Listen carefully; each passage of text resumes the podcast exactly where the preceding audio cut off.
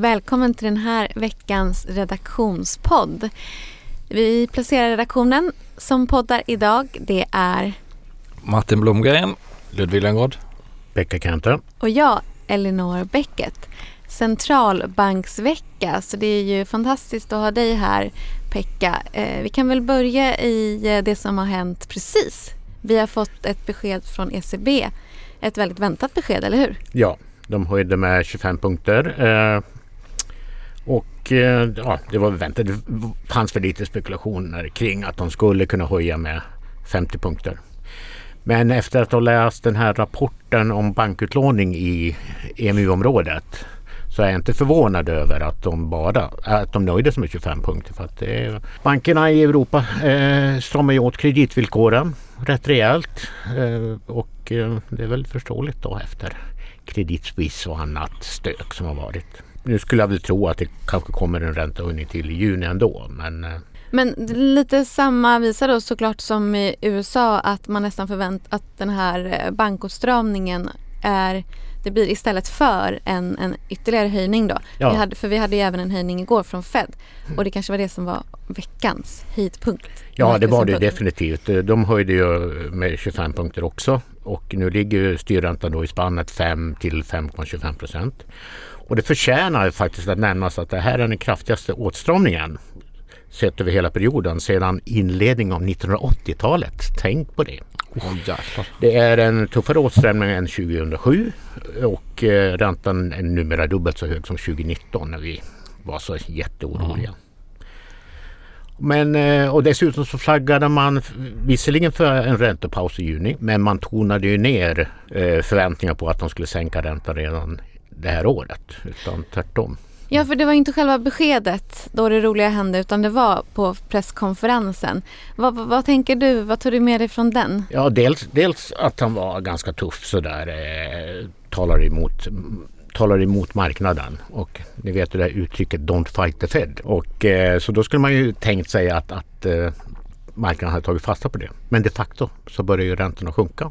Långa marknadsräntor. Sjönk, börsen reagerade negativt. Eh, ja, eh, det var mycket som hände. Så att eh, marknaden lyssnade inte på Powell utan de fortsätter att prisa in.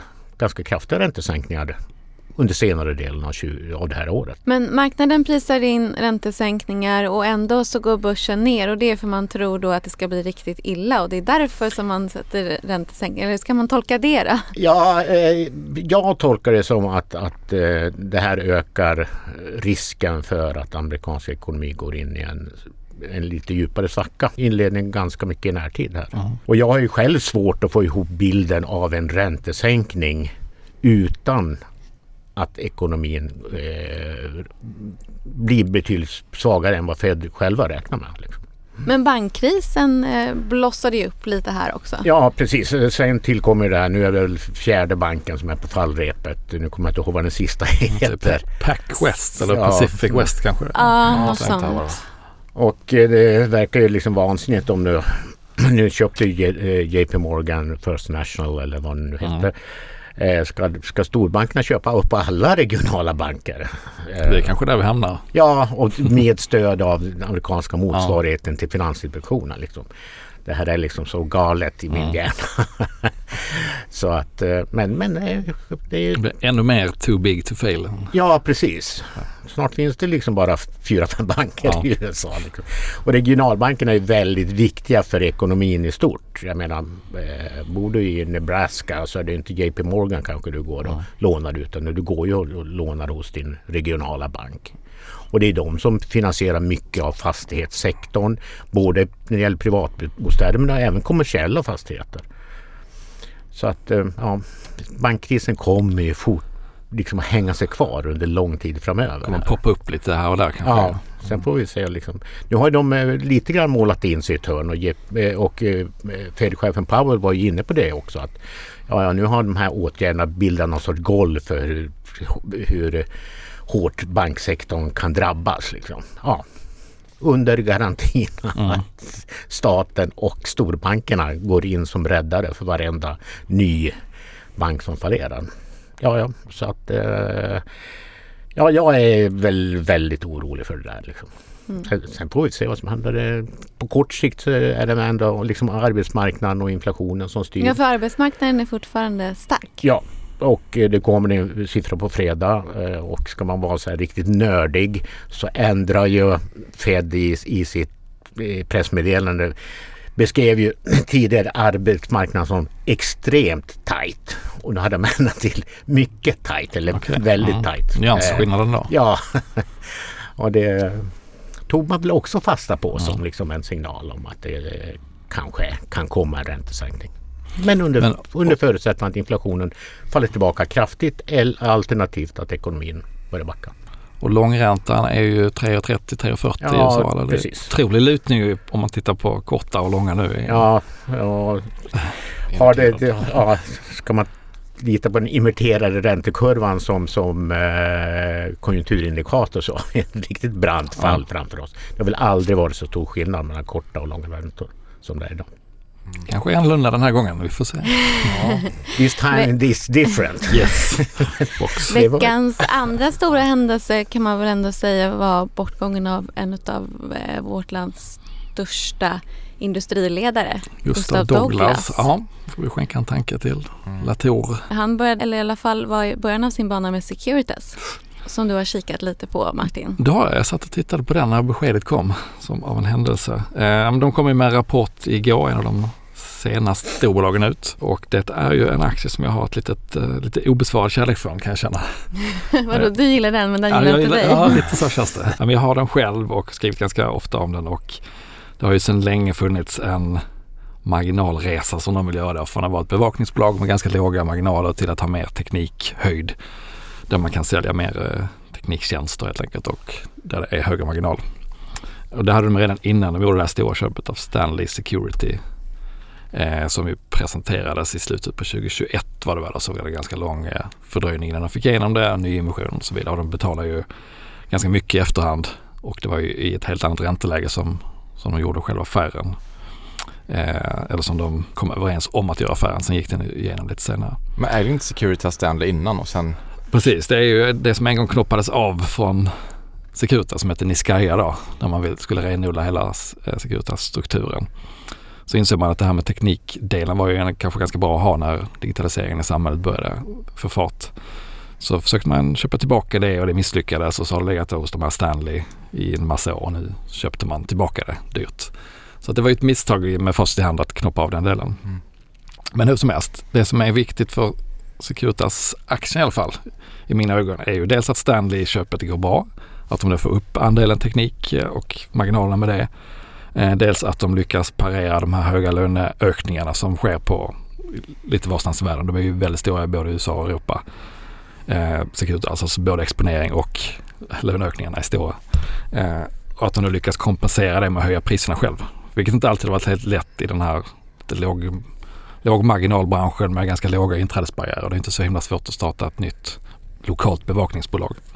Eh, men så på båda de punkterna tyckte jag det gick bra. De, eh, Stanley-delen verkar gå bra. Eh, de lyckas kompensera med prishöjningar.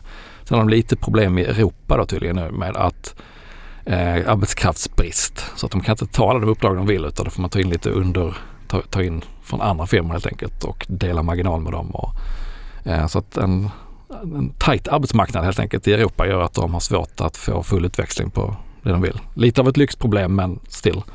Eh, så det gjorde att marknaden blev ganska rädd eh, för att marginalerna inte skulle kanske hänga med så snabbt upp som man, som man hoppats på. Men eh, ja, lite överdrivet eh, pessimistiskt tycker jag. Men, eh, men det handlar ju om bevakningsdelen. Det är, de, det är den de vill lite grann lämna och gå in mot med lite mer teknik. Då. Man kan sälja ja, men övervakning och all data som följer med det till, till företag. Så jag tror ändå att de är på den här, upp, på väg upp i den här marginaltrappan och att de har ganska eh, hygglig plan för det. Och få ner skuldsättningen blir viktigt för de, de har dragit på sig 41 miljarder i nettoskuld. Det kostar en del när räntorna går upp nu. Så där vill ju till att kassaflödet eh, som det brukar göra får lite bättre fart säsongsmässigt under resten av året. Q1 brukar vara svagt. Var Douglas på något sätt aktiv i bolaget? Ja, inte numera, men det är ju ett av de stora pjäserna i Latour. Så att det är klart Mm. att han, eh, hans anda har varit aktiv i det här hela tiden. Ehm, Så att mitt, ja, jag håller fast vid att Securitas är köpvärt även om det blir en liten ett nedställ på rapporten här. Köper du själv Ännu då? mer köpvärt. Eh, nej, jag, nu har jag inte gjort det men det är ett av mina största innehav i, i min lilla låda. Så att, eh, Vad är det för värdering på detta då? ja, men på, på detta året P 11 ungefär. Då trycks vinsten på aktien ner av dels emissionen gör att det blir fler antal aktier jämfört med förra året. Och sen då räntekostnaderna drar iväg, en del engångskostnader för förvärvet. Men sen är det ner på P9 nästa år, så Mm. kryper ner mot P8 året efter. Och då tar inte i analytikernas konsensusprognoser, då tror man inte att de kommer upp till det här marginalmålet på 8% som de själva har utan de ligger på 7% 2025. Så att det ska inte så mycket till tycker jag. Alltså infriar de det de har sagt de ska göra så är den ju väldigt undervärderad. Men de behöver inte ens göra det. Det räcker nog att de infriar analytikernas prognoser så, så borde det finnas en, del uppsida här. Någon utdelning, direktavkastning? Ja det gör de. De delar ut ungefär 4% Tror till och med att det är sista dagen idag att köpa om man ska vara med på den. Det ska jag inte ta gift på men uh, utdelningen har inte gått ännu. Um, Det låter som att det är en begränsad nedsida i alla fall. Ja, men jag, tyck, jag tycker det. Det är hög skuld men de, de har bra kassaflöde. Men det är ju liksom en verksamhet som inte packar ihop helt. Det finns många, många och långa kontrakt i allmänhet. Och eh, sen som, men på utdelning där, de är ju ett av de här bolagen som har fått lite kritik nu rättmätigt för att man delar ut med ena handen och så plockar man in en ny emission med andra. Mm. Här var det ju väldigt kopplat till just det här förvärvet. Så att här tycker jag man kan överseende med att man behåller liksom en utdelningspolicy. Det låter som ett bolag för försiktiga mig. Ja, du är välkommen in. välkommen in i kärleksklubben. Och någonting man kanske inte kan dra ner på heller, säkerhet. Nej, man kan ju såklart byta leverantör men det finns Mm. ju ett, tyvärr ett rätt så stort behov av säkerhet för de flesta bolag. Mm. Så att äh, fortsatt köp från min sida där. Men från en enan marknadsreaktion till en annan. Du beskrev eh, Amazons, reaktionen på Amazons rapport som udda. Ja, den var lite märklig Udda. faktiskt. Eh, det var ju så att Amazon släppte ju rapport i torsdags kväll förra veckan eh, och då gick aktien upp, alltså rusade nästan, jag tror det var 14 procent. Och sen föll den som en sten till minus 4. Och det var egentligen en bra rapport. Alltså man växte ju topline och allt så här. Så, här. så det var väldigt bra. Man kan börja med att de växte 9% då. Och de har haft lite valutamotvindar. Eh, och retail går bra, alltså deras retailverksamhet. Och de viktiga delarna liksom, det som ska driva marginalerna. Det är ju det här third party sellers. Alltså att en tredje part kommer in på plattformen och säljer produkter. Det är hög marginals business för dem. Och den gick jättestarkt. Det var upp 20% faktiskt. Och den vanliga e-handeln växer knappt så den tar ju större del av eh, retail-kakan kan man säga då. Vad var det marknaden inte gillade då? Nej det var, det var just det här med, jag kommenterade, det är AVS, AVS då som är molndelen. Eh, där såg man en inbromsning nu i april mot detta kvartalet, mot det gångna kvartalet som har varit då. Och det är på grund av att kunderna börjar optimera sin verksamhet mer och man drar ner på investeringarna då i IT. Så det, och, det, och AVS är ju den delen som är liksom guldägget i Amazon. Det är det alla vill ha och det är, alltså all lönsamhet som Amazon har nu i dagsläget är ju från AVS. Så det är ju inte konstigt att marknaden reagerar negativt på det. En 14 procent upp initialt alltså. Ja, i efterhanden och sen ner fyra på dagen, dagen efter börsstängningen där. Jag vet inte, kollade du på Microsoft också? För deras molndel var väl bra men det kanske bara Ja. var januari till mars, inte april. Jag vet inte om de Men jag kommenterade vet inte om de sa någonting om det men jag tror också att de säger, alltså man ser ju liksom att det inte accelererar på samma sätt. Alltså det, går ju, det accelererar ju, det accelererar Mm. kan man säga. Men det är också att det blir större och större liksom så att det är ju svårare att växa när man är större. Men nej jag tror inte, jag vet inte om Azure har samma problem riktigt. Jag tror, sån, jag tror jag läste lite om det att det var lite svagare än vad det Mm. brukar. AVS är fortfarande marknadsledare inom molntjänsterna. Och sen ska man nämna också att de har ju den här annonsverksamheten som går ruskigt bra också.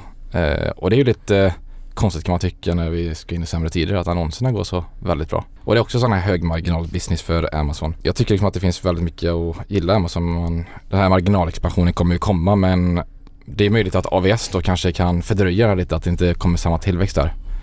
Så kortsiktigt kanske det kommer ligga som en våt filt över aktien men annars är det ju Ja, det är inget att vara Mm. roligt som långsiktig investerare, tror inte jag. De kanske borde knoppa av AVS till eget bolag. Då hade de fått en Ja, värdering det, som det skulle kunna vara så att regulatorier kommer in där så Ja. kanske man knoppar av det. kanske de skulle gjort innan de släppte aprilsiffran i och för sig. Ja, nu kanske inte alls så jäkla bra men, eh, ja, men om den kommer ner lite till här så kan jag tro verkligen att det är köpvärt snart. Hur är värderingen där då?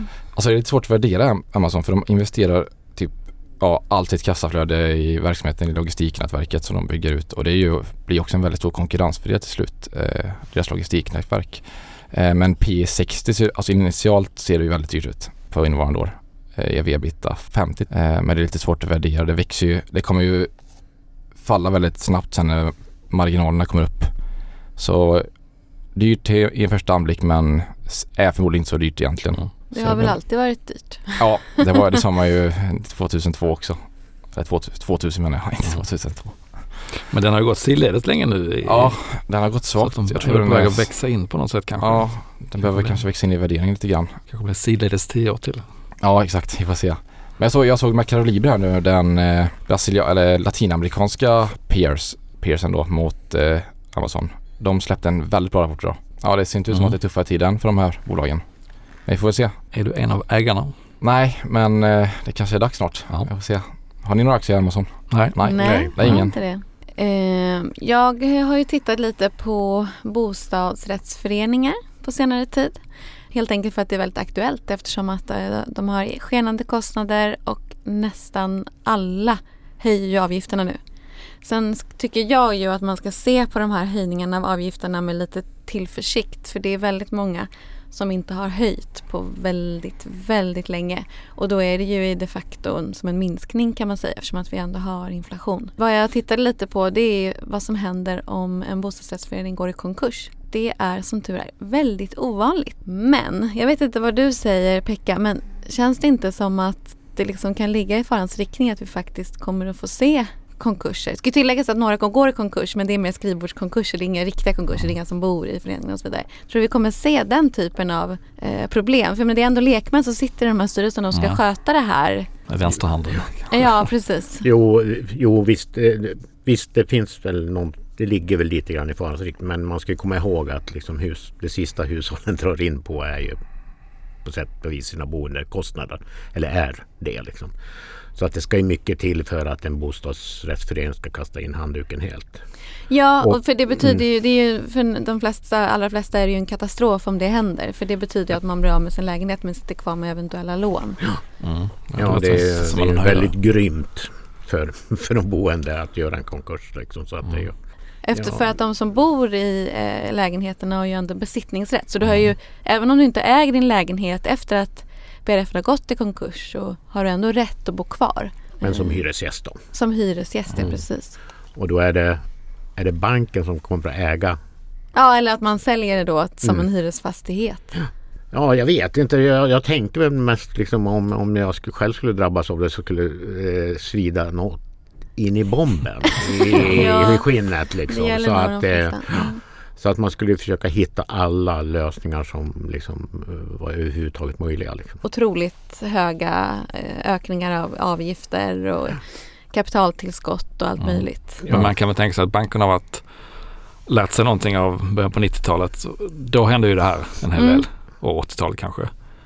Och varit lite försiktiga med utlåningsnivå, belåningsnivå även på, på bostadsrättsföreningar. Då. Ja, och man kan också tänka sig att scenariot som var då, det var ju att det faktiskt var några som gick i konkurs. Och, men då var det absolut inte de insatserna som vi har i dagsläget med de här priserna. Så att då fanns det ju heller inte samma, eh, vad ska man säga, eh, nej precis, samma incitament till att rädda sina föreningar till varje pris. Nej, och sen nu får man väl se. Liksom. Inte för att jag tror det, men byggföretagen. Det, alltså det, det här han- handlar ju till 99 procent av ganska nyproducerade Ja, för det är de som har Mm, väldigt mm. höga och sen så kanske också inte ehm, att de här byggbolagen alltid eh, gör klart dem eller eh, åtgärdar fel och så vidare. De kanske till och med går i konkurs. Då kan det ju, man ju sätta sig i en rejält jobbig sits som Mm. bostadsrättsförening. Nej, vi får se. Ehm, Ja, som sagt jag, jag tror att motståndet mot att gå i konkurs är extremt stort. Men sen, det finns ju alltid en smärtgräns. Jag kan väl tänka mig att det kanske inte så mycket som man kan, kan tro ett Stockholmsfenomen. Liksom, eh, utan att det är nyproducerade lägenheter som ligger i lite, mer, i li- lite mindre orter. Där det kanske till och med finns alternativ till liksom, att i sitt boende. Liksom. I Mm. Stockholm så sitter du ofta fast. Liksom. Det. Alltså vi får se. Men eh, mm, Men det blir väl även där eh, arbetsmarknaden som blir ganska avgörande. Så länge man har jobb så kommer man att betala räntorna och sen så får man äta för det som blir över. Men har Ja. man inte jobb så har man kanske inte ens råd till räntorna. Kanske en annan panikförsäljning kan man se framöver. Mm. Framförallt då i de nystartade. Det gäller att vara observant. när Men det här med avgiftshöjningar det är det ju inte alla som som är så uh, medvetna om att det är det här som är på väg att rulla in. Jag tror inte alla ägnar Nej, så mycket tid åt att fundera på det utan man tittar på avgiften som var när man köpte och så kanske Ja, nej, man ska titta ordentligt och man ska titta på det står ju så att man ska läsa i att, att ekonomin går ihop. Det tror jag nästan alla förstår även om man inte vet hur man ska göra. Och så ska det ju gärna vara nå lite bra lokalhyresintäkter och att lånen eh, är bundna en bra bit framåt. En sån där ja, jätteviktig punkt är att titta på vad eh, lånen är per kvadratmeter som bostadsrättsföreningen själva har. Liksom. Precis, och hur, Mm. mycket, hur stort lånet som är kopplat till ens egen lägenhet. Och det man, många inte vet det är att från årsskiftet så måste mäklarna skriva ut det. Det är väldigt många som inte gör det. Så att om man går på en visning när någon inte gjort det så kan man ju ge ett varningens finger till mäklaren och säga att den ska göra det. För Vad det sa tror du, jag... lyssna uppmärksamt. Alltså, de måste skriva ut. Ja men säg till exempel att du köper en 60 kvadratmeter i en förening. Den lägenheten har ju en viss procentuell andel av lånen Mm. kopplat till sig. Så att du, och när du väl äger lägenheten äger ju också den andelen av lånet. Okej, andelen Ja, av så det är inte bara skuld. är ju- Ja, då ser man ju. Eh, om en lägenhet är värd 5 miljoner och du betalar och du kanske har lån på 3 miljoner men det kanske också är en skuld på 2 miljoner. Mm. Då är den själva verket 100% belånad den lägenheten. Mm. Och då kan man ju själv fundera på vad som händer när värdena går ner och räntan går upp. Då blir det ränta på ränta. Då blir det jobbigt. Dessutom så får ju inte en bostadsrättsförening får inte dra av heller. Man, Den, nej man precis får inte och därför kan Mm. det ju faktiskt vara bra med kapitaltillskott. Men de är väldigt ovanliga. Men eh, smarta faktiskt för det får man ju dra av sen när man flyttar.